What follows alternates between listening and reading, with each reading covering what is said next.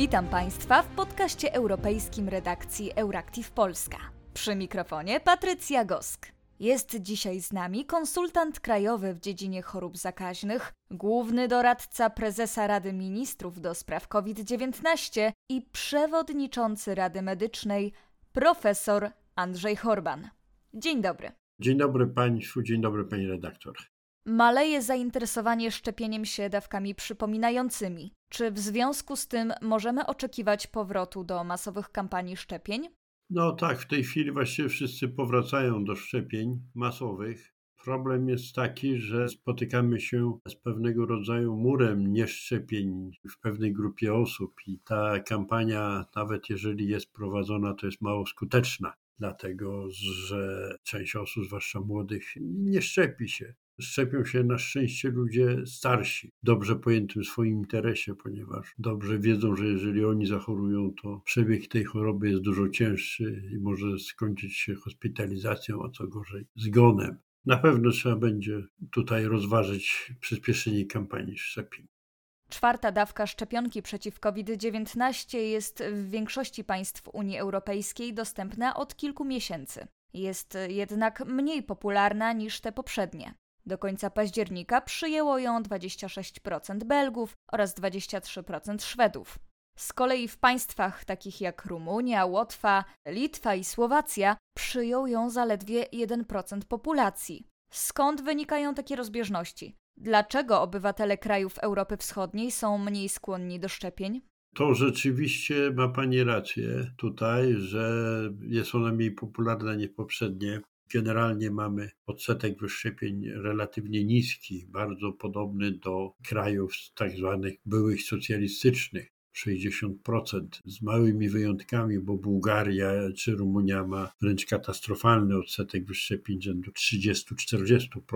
Podstawowy, mówię o podstawowym szczepieniu. Natomiast te dawki przypominające są rzeczywiście niewiele. Wydaje nam się, że ta pierwsza kampania czy informacja skierowana do osób starszych trochę podziałała, już jest więcej niż 1%, jest kilkanaście procent osób zaszczepionych. Natomiast faktycznie obywatele krajów Europy Wschodniej są mniej skłonni do szczepień, ma Pani rację. A dlaczego? Żebym to ja wiedział.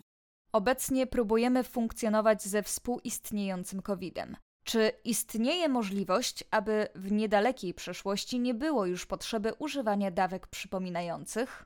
Nawet nieobecnie próbujemy funkcjonować. COVID z nami zostanie, to nie ma co do tego żadnej wątpliwości. No, mamy oprócz tego jedną dobrą wiadomość, że niezależnie od tego, jaki jest relatywnie niski odsetek wyszczepień, to 90 parę procent ludzi ma w Polsce przeciwciała przeciw COVID-19. Świadczy o tym, że w taki czy w inny sposób zetknęły się z tym wirusem, a zatem ich układ immunologiczny już jest zaznajomiony z antygenami wirusa i będzie reagował zupełnie normalnie. Normalnie to znaczy nie tak, jak reaguje czasami gwałtownie na coś, czego do tej pory nie widział, coś, z czym nie, nie musiał się nauczyć walczyć on już się spotkał z tym patogenem, ten patogen będzie nas atakował pewnie w okresach jesienno-zimowych, czyli krótko mówiąc dołączy się do typowych wirusów przenoszonych drogą kropelkową albo drogą oddechową w okresie jesienno-zimowym i wiosenno-zimowym. Także my już funkcjonujemy ze współistniejącym COVID-em. A druga część, nie będzie potrzeby używania dawek przypominających, no tego nie wiemy. Oczywiście teoretycznie taka możliwość istnieje, jeżeli wirus trochę się przeistoczy w łagodną infekcję górnych dróg oddechowych, bo wirus tak zawoluje, a nasz układ immunologiczny będzie na tyle sprawny, że zahamuje namnażanie gwałtownych wirusa w innych częściach naszego organizmu, a dokładnie chodzi o komórki posiadające ten nieszczęsny receptor ACE, to znaczy wszystkie komórki śródbłonka, to ta choroba będzie tak, jak wspomniałem, zupełnie przyzwoitą infekcją górnych dróg oddechowych. Ciągle powstają nowe mutacje wirusa COVID-19. Czy powinniśmy obawiać się, że spotkamy się z wariantem odpornym na wszelkie szczepionki? To jest typowe dla wirusów, zwłaszcza wirusów RNA, bo te wirusy ewoluują. One rzeczywiście powstają cały czas, dlatego że to jest istotą egzystencji wirusa. Wirus, który się namnaża, składa potomne wiriony niedokładnie, nie do końca dokładnie, idealnie według tego samego wzorca. W związku z tym należy przyjąć, że w ciągu dnia powstają wszystkie możliwe kombinacje kwasów nukleinowych z licznymi błędami. Większość tak źle złożonych potomnych wirionów nie przeżywa, bo nie ma możliwości złapania następnej komórki posiadającej właściwie receptor, ale większość nie przeżywa, ale niektóre przeżywają, bo są lepiej zaadoptowane wygląda na to, że one są w tym momencie na przykład łatwiej się dołączają do tego receptora i te, które łatwiej się dołączają z natury rzeczy zaczynają dominować. I stąd ta ewolucja, co chwilę się ten wirus zmienia, ten, który zaczyna dominować, bo ten, który się łatwiej namnaża, po prostu zaczyna dominować, potem powstaje następny, następny, następny. Taka teoretycznie możliwość istnieje, że jeżeli ten wirus tak ewoluuje, to obecne szczepionki mogą na niego nie działać. Problem jest trochę rozwiązany dzięki temu, że te szczepionki, zwłaszcza mRNA, są bardzo dobre i one zawierają fragmenty kwasu nukleinowego, tak zwanego messenger RNA, posłańca. I tutaj można szybko zmieniać wzór genetyczny tej szczepionki, czyli dostosować ją do istniejącego czy panującego wariantu wirusa. Ciężko jest nie zauważyć obezwładniającej świat inflacji. Czy możemy się spodziewać, iż będzie ona utrudnieniem dla produkcji szczepionek? Szczepionka się produkuje niezależnie od tego i ona generalnie jest tania. To jest bardzo tania szczepionka. Trzeba pamiętać, że kosztuje właściwie kilka euro, także to nie jest żaden problem. Brytyjska firma Codagenix zapowiedziała rozpoczęcie badań trzeciej fazy nad donosową szczepionką przeciw COVID-19. Czy takie rozwiązanie ma szansę przekonać tych, którzy nie zdecydowali się na zastrzyk? Być może, że ci ludzie, którzy boją się iniekcji, będą łaskawi przyjąć zastrzyk drugą donosową. To by oczywiście zwiększyło ich szanse na pozostanie zdrowym. Cerber to dwa nowe warianty COVID-19. Wiemy, że szczepionki, które obecnie znajdują się w obiegu, mogą działać na te konkretne odmiany słabiej. Czy stanowi to zagrożenie? Cerber, no bardzo brzydka nazwa. Nie lubimy tej nazwy. Każdy wariant wirusa to jest wariant omikronu i każdy subwariant omikronu ma swoje odznaczenie. Się niewiele różnią od siebie. Na razie nie jest tego Cerbera dużo, to jest kilka procent. Na razie nie stanowi to zagrożenia. W jaki sposób różnią się od siebie kolejne szczepionki?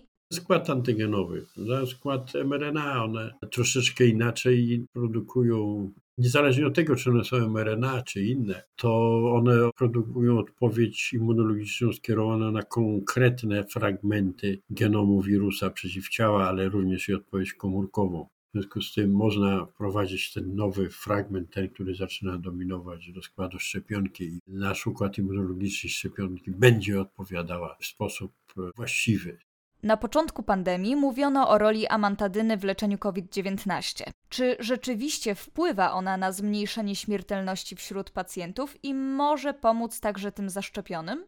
Jeżeli chodzi o mantadynę, to jest humbug. No, ja podziwiam ludzi, którzy nie mają o tym pojęcia i propagują leki, które wartość w leczeniu czy stosowaniu jest kompletnie nieudowodniona. Na to, żeby udowodnić, że coś działa, to potrzeba jest wielu badań. Po pierwsze, wysunięcie koncepcji, że coś może działać czy hamować replikację wirusa. Po drugie, z reguły udowadnia się to w ten sposób, że przeprowadza się badanie w hodowli wirusa. Większość wirusów daje się wyhodować, w SARS-CoV-2 też. W sztucznej hodowli dokłada się do tego tę substancję, która ma hamować replikację wirusa w różnych rozcieńczeniach wtedy, no i sprawdza się, czy rzeczywiście hamuje, czy nie hamuje. Przypadku mantadyny nie było w ogóle takich badań.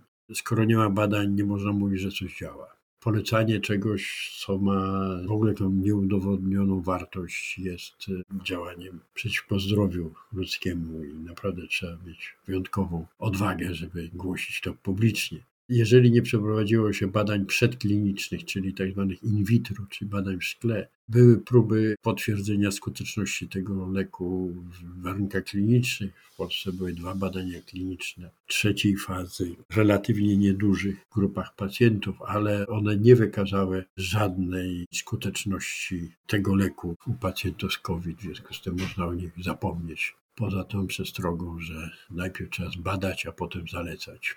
Jakiś czas temu pan Adam Niedzielski w rozmowie z RMF24 stwierdził, że, i tu cytuję, ostatnią falę mamy za sobą. Tygodniowy poziom zakażeń utrzymuje się na poziomie 300 na dobę. Mamy poczucie, że sytuacja jest komfortowa. Czy rzeczywiście możemy nazwać tę sytuację komfortową?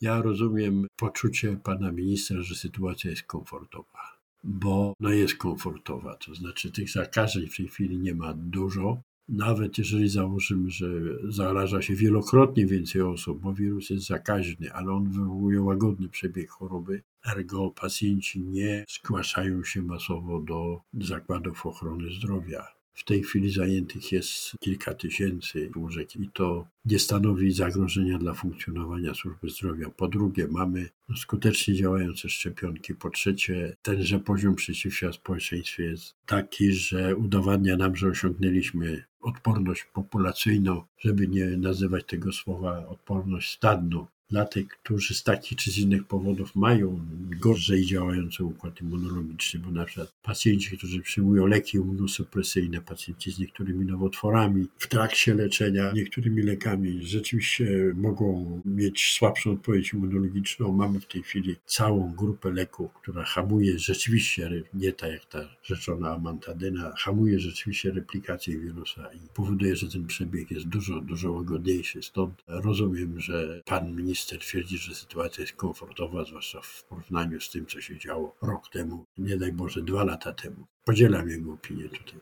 Co powiedziałby Pan osobom, które z coraz większą niechęcią podchodzą do tematu dawek przypominających? Ja myślę, że życie przyniosło weryfikację postaw antyszczepionkowych ludzi. Czasami to było bardzo brutalne, a nawet niekiedy śmiertelne, bo w tej ostatniej fazie już wywołanej wirusem Delta, kiedy szczepionka była dostępna, większość ludzi w szpitalach przybywających i umierających niestety w szpitalu, to były osoby niezaszczepione, 90 parę procent. W związku z tym koledzy na początku nawet usiłowali pytać się tych pacjentów, dlaczego się nie zaszczepili. Odpowiedzi były różne i mocno frustrujące wszystkich. W związku z tym zaprzestaliśmy tego typu pytania. Ci, co nie uwierzyli, to zachorowali. Niektórzy niestety umarli.